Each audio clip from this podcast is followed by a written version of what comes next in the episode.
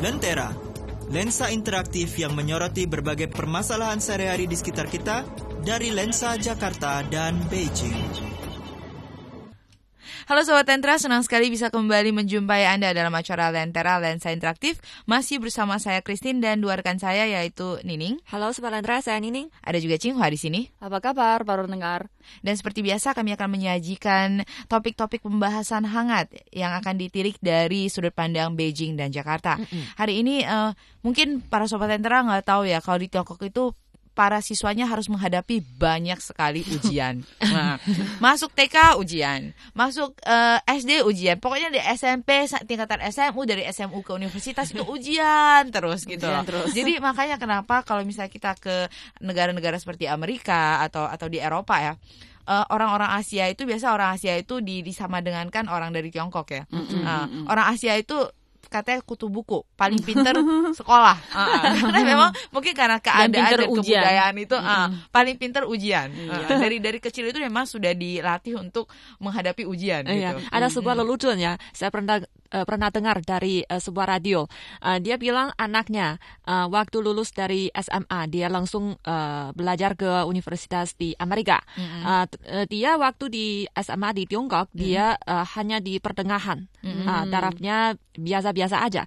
Tapi waktu dia belajar di universitas di Amerika dia selalu nomor pertama. Mm-hmm. Oh, ya, nomor satu. itu kan jago ya. sekolah. Ya, ya, ya. tapi tiba-tiba ada su- suatu tahun dia nomor kedua. Uh-huh. Jadi ayahnya tanya, kenapa kamu kenapa turun peringkatnya? Dia bilang, ada sebuah siswa dari Tiongkok datang lagi.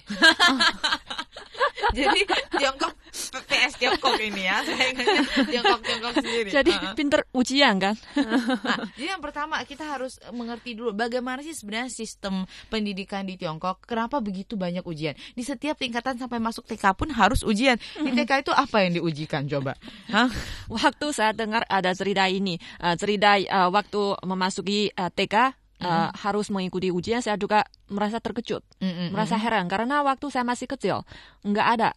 Mm, cuma masuk aja gitu ya. Iya, cuma saya uh, misalnya saya tinggal di daerah ini, wilayah ini, mm -hmm. saya bisa memasuki uh, TK ini. Mm -hmm. Dan kalau nggak di daerah ini uh, nggak nggak boleh. Mm -hmm. Itu sangat ketat mm -hmm. peraturannya. Tapi sekarang ini uh, meskipun kamu tinggal di daerah ini tapi harus mengikuti ujian. Karena waktu saya suatu hari saya naik uh, uh, lift, mm-hmm. waktu ke uh, naik, naik, naik tangga, uh, ada beberapa orang mereka bercakap-cakap. Mm-hmm. Uh, salah satunya uh, tanya, apakah anaknya, uh, anak kamu uh, akan memasuki TK? Dia mm-hmm. bilang belum lulus ujian. Dia mm-hmm. tanya, ujian apa? Dia bilang ada lima murid, lima anak. Jadi harus pilih satu orang. Dia tanya, TK-nya TK yang mana ya? Yang yang bagus ya? Yang mm yang mahal ya? Mm Dia dia dia tanya uh, dia jawab biasa aja hanya di uh, perumahan saya itu. Mm -hmm. ya, di biasa, kawasan biasa perumahan dia iya, ya? Uh. iya. Ini peraturan pemerintah atau peraturan dari sekolahnya sendiri? Sekolahnya sendiri. Iya. Dan apa yang mau diujikan coba apa yang mau ditanyakan? Dan kenapa mereka perlu melakukan seleksi seketat itu? Karena terlalu banyak anak. Hmm. Bukannya sekarang Tiongkok cuma boleh punya satu anak?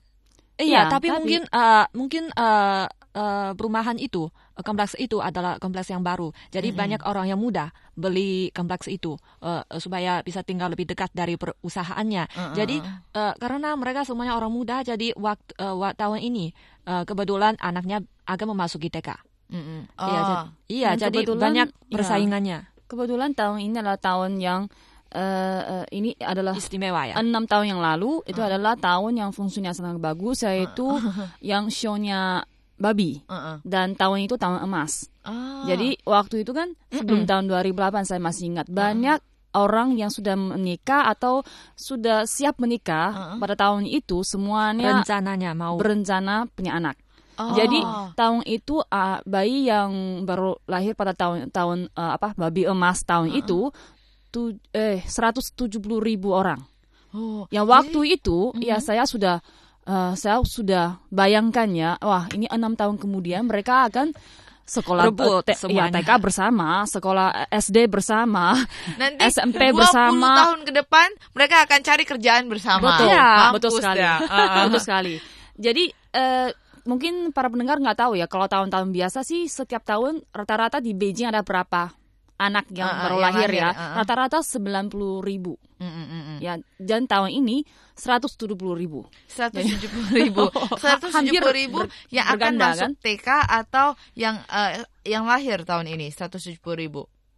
Yang tahun 2007 yang Oh, oh, lahirnya oh, oh, 170 berarti ribu. 170 ribu anak yang akan masuk TK tahun ini ya. Ya, Hmm. Oh, berarti Di Beijing aja ya? di Tiongkok ini untuk melahirkan anak aja musiman ya. Ada Iya. musimnya.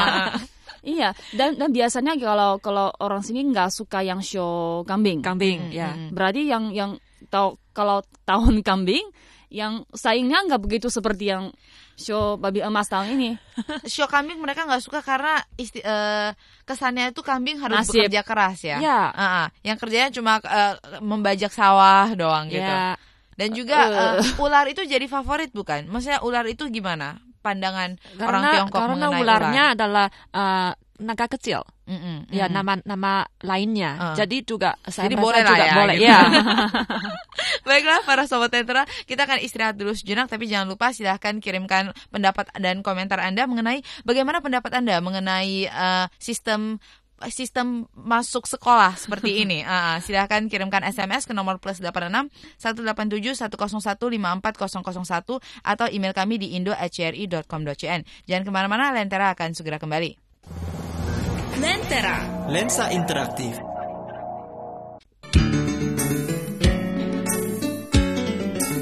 Tahukah Anda di Tiongkok ada bangsa muslim yang berbahasa Turki? Tahukah Anda, di Tiongkok ada suku-suku yang mendiami atap dunia?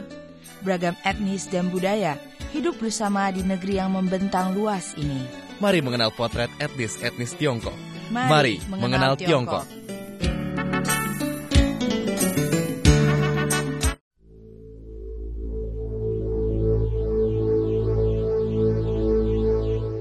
Etnis Tajik adalah salah satu dari 56 etnis di Tiongkok yang berpenduduk relatif sedikit.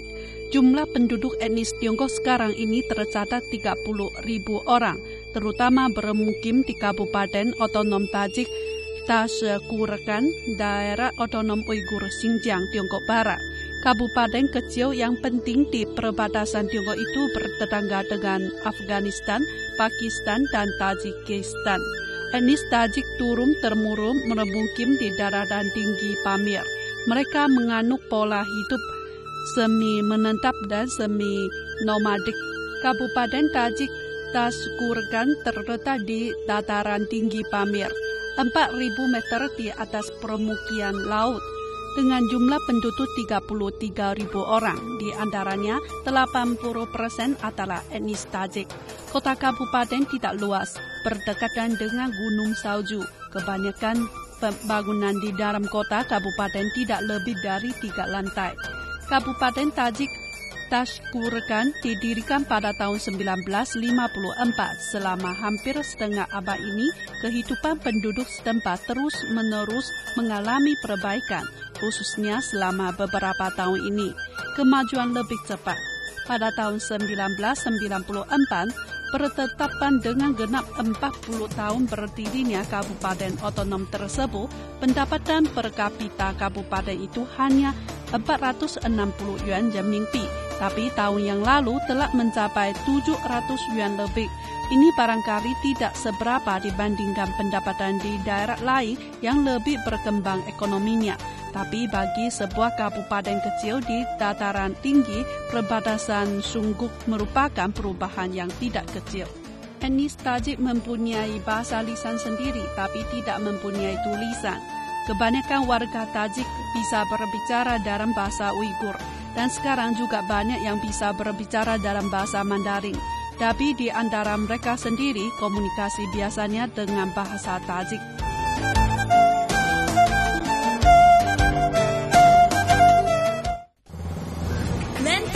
Lensa interaktif.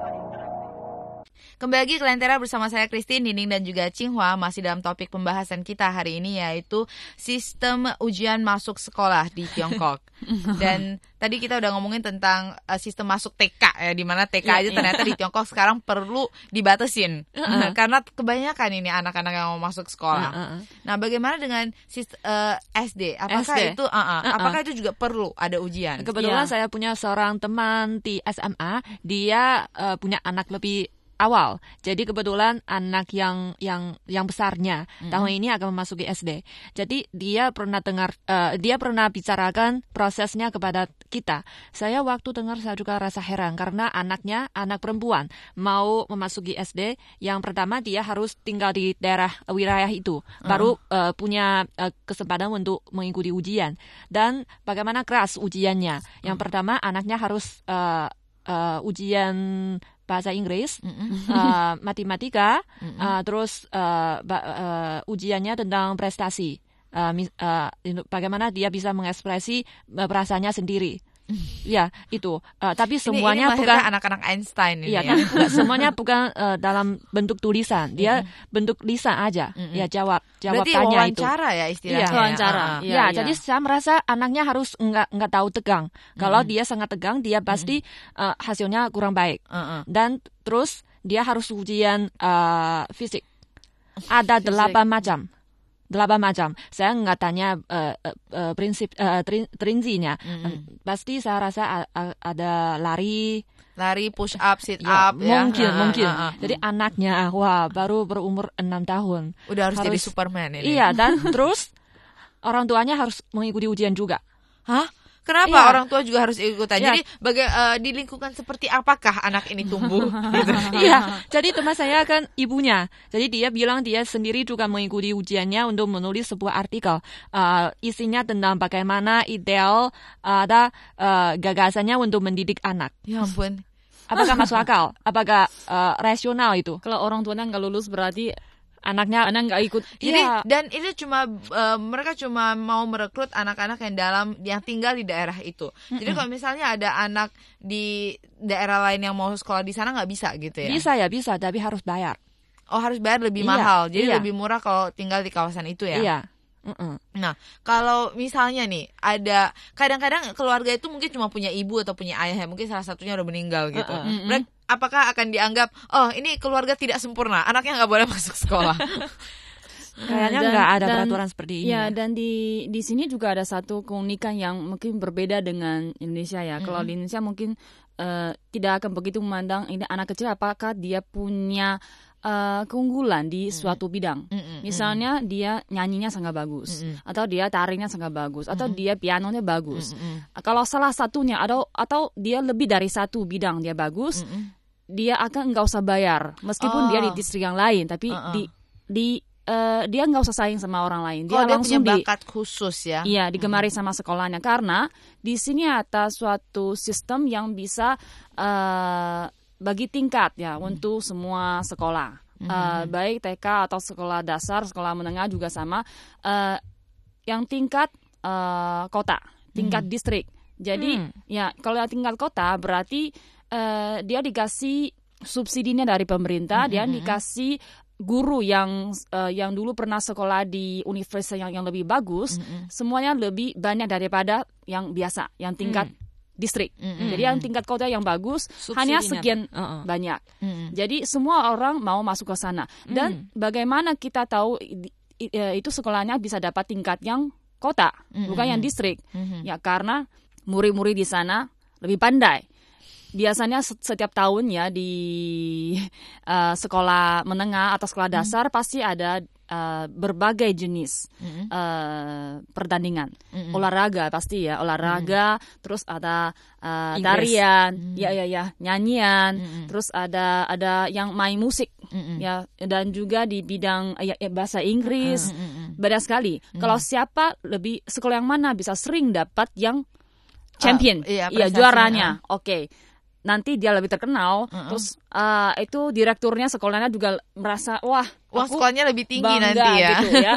Dan juga dia bisa bisa nanti dia punya kedudukannya di uh -huh. semua antara semua sekolah-sekolah yang hampir sama dia lebih tinggi. Uh, berarti uh -huh. ini juga karena persaingan antar sekolah ya. Iya. Betul. Sekolah, jadi mereka berusaha merekrut siswa-siswa yang memang pasti berprestasi ya, gitu. Yeah. Dan ini sayang sekali kalau misalnya kan nggak semua anak itu pintar sekolah. Memang yeah. seperti yang Cima katakan tadi banyak anak-anak yang uh, punya bakat di bidang lain gitu. Mm -hmm. Dan tapi semuanya tentunya punya hak untuk mengenyam pendidikan kan. Stres hmm. dong ini orang tuanya kalau anaknya nggak nggak bisa masuk sekolah ini dan yeah. semua sekolah nggak menerima dia. Iya, uh -uh. pasti. Uh, saya punya seorang teman dia anaknya mau memasuki SMP dan uh, dia uh, uh, uj hasil ujiannya biasa-biasa aja. Jadi mm -hmm. dia nggak uh, mengharapkan dia akan memasuki uh, sekolah yang yang yang wah ya. bagus. Uh. Ya dia hanya harapannya juga menengah aja, mm. biasa-biasa aja.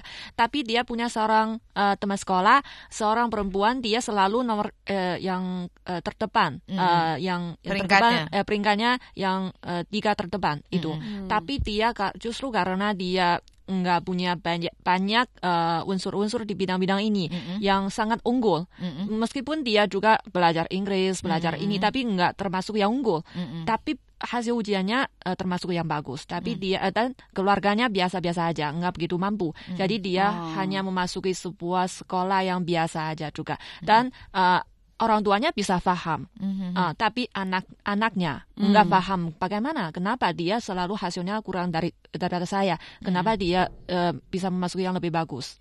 Mm-hmm. Uh-uh. Jadi kok ini udah dapat hmm. protes belum? Sudah ada protes dari orang tua murid dengan sistem perekrutan siswa seperti ini?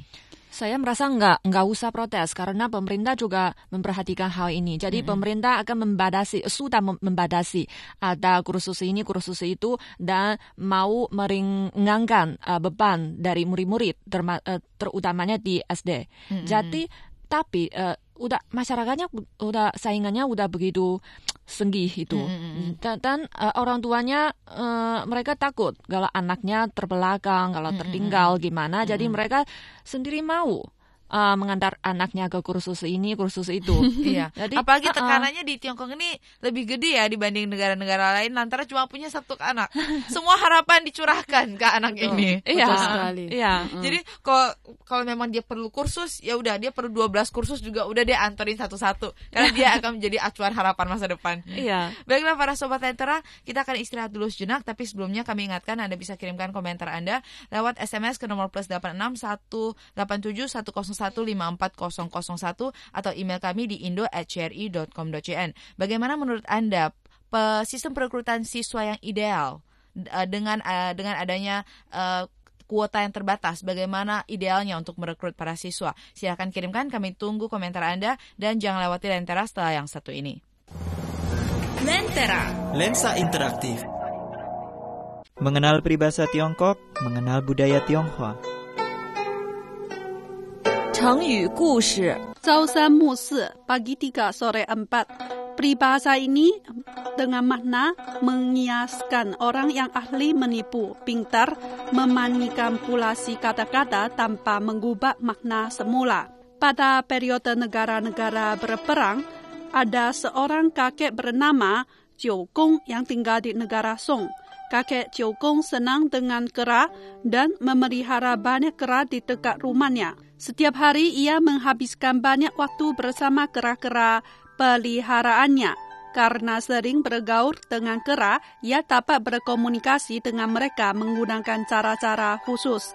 Suatu ketika ia mendapati persediaan makanan untuk kera-keranya sudah menipis.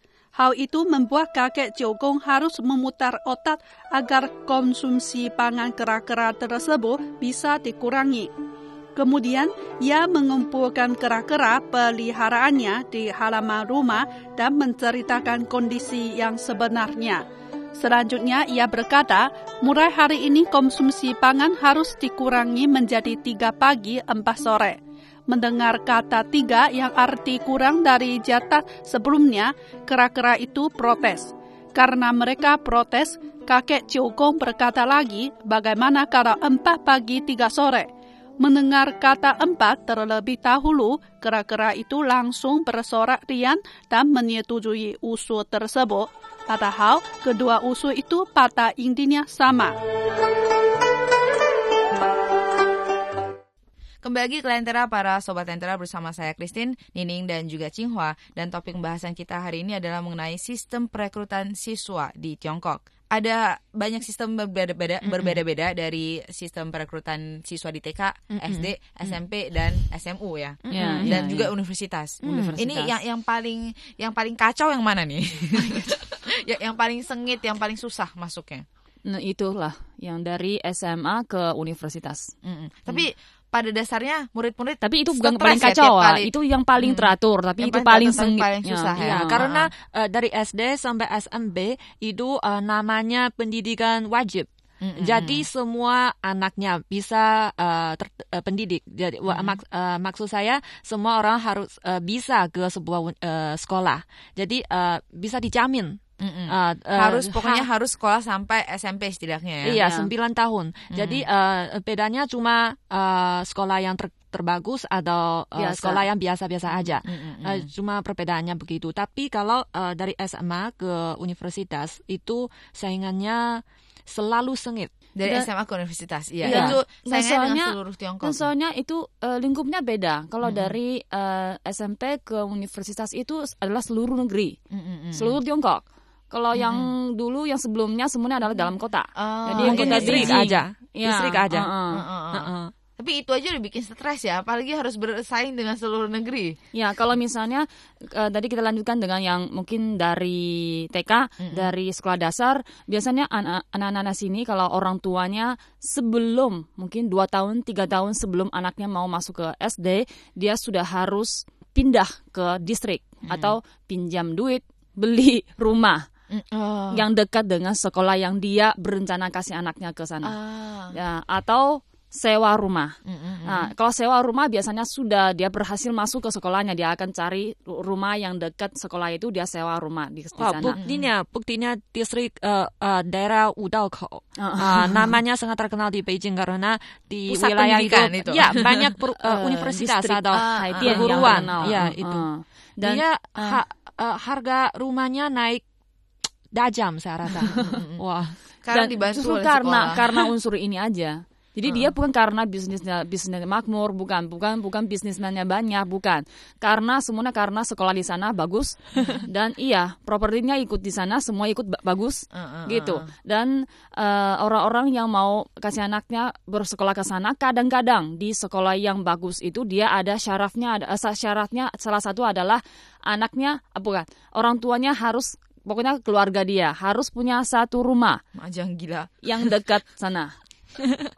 jadi jadi mungkin ada properti yang ini kerjasama dengan sekolah menengah ini. Ah. Ah, ada sekolah dasar Saya ini. merasa eh, hal ini bukan aneh ya, bukan hanya eh, unik di Beijing, di Tiongkok. Dan kalau di eh, Amerika Serikat, setahu saya juga ada distrik yang eh, sekolahnya bagus atau sekolahnya eh, kurang bagus, biasa aja. Jadi kalau, kalau eh, daerahnya ada sekolah yang cukup bagus, jadi eh, rumahnya cu- cukup mahal. Mm-mm. Ya. Memang kalau misalnya area-area eh, Hmm. begitu ya, kalau misalnya udah ada sekolah atau ada pasar dan segala macam, otomatis harga propertinya emang pasti naik.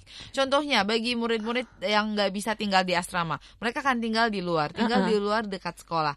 Dan para para pemilik properti di sana eh, bisa Iya. dapat duit kan dari menyewakan kamarnya, Hmm. kos-kosan dan segala Uh-uh. macam. Eh, itu emang udah hukum universal ya istilahnya. Iya. Eh, tapi kalau misalnya sampai har- kalau salah satu syaratnya sampai harus Ya. orang tuanya punya properti di sana memang itu agak ekstrim ya. Ya, saya tahu salah satunya eh, itu uni, apa bukan sekolah menengah yang cukup bersejarah sudah 100 tahun lebih.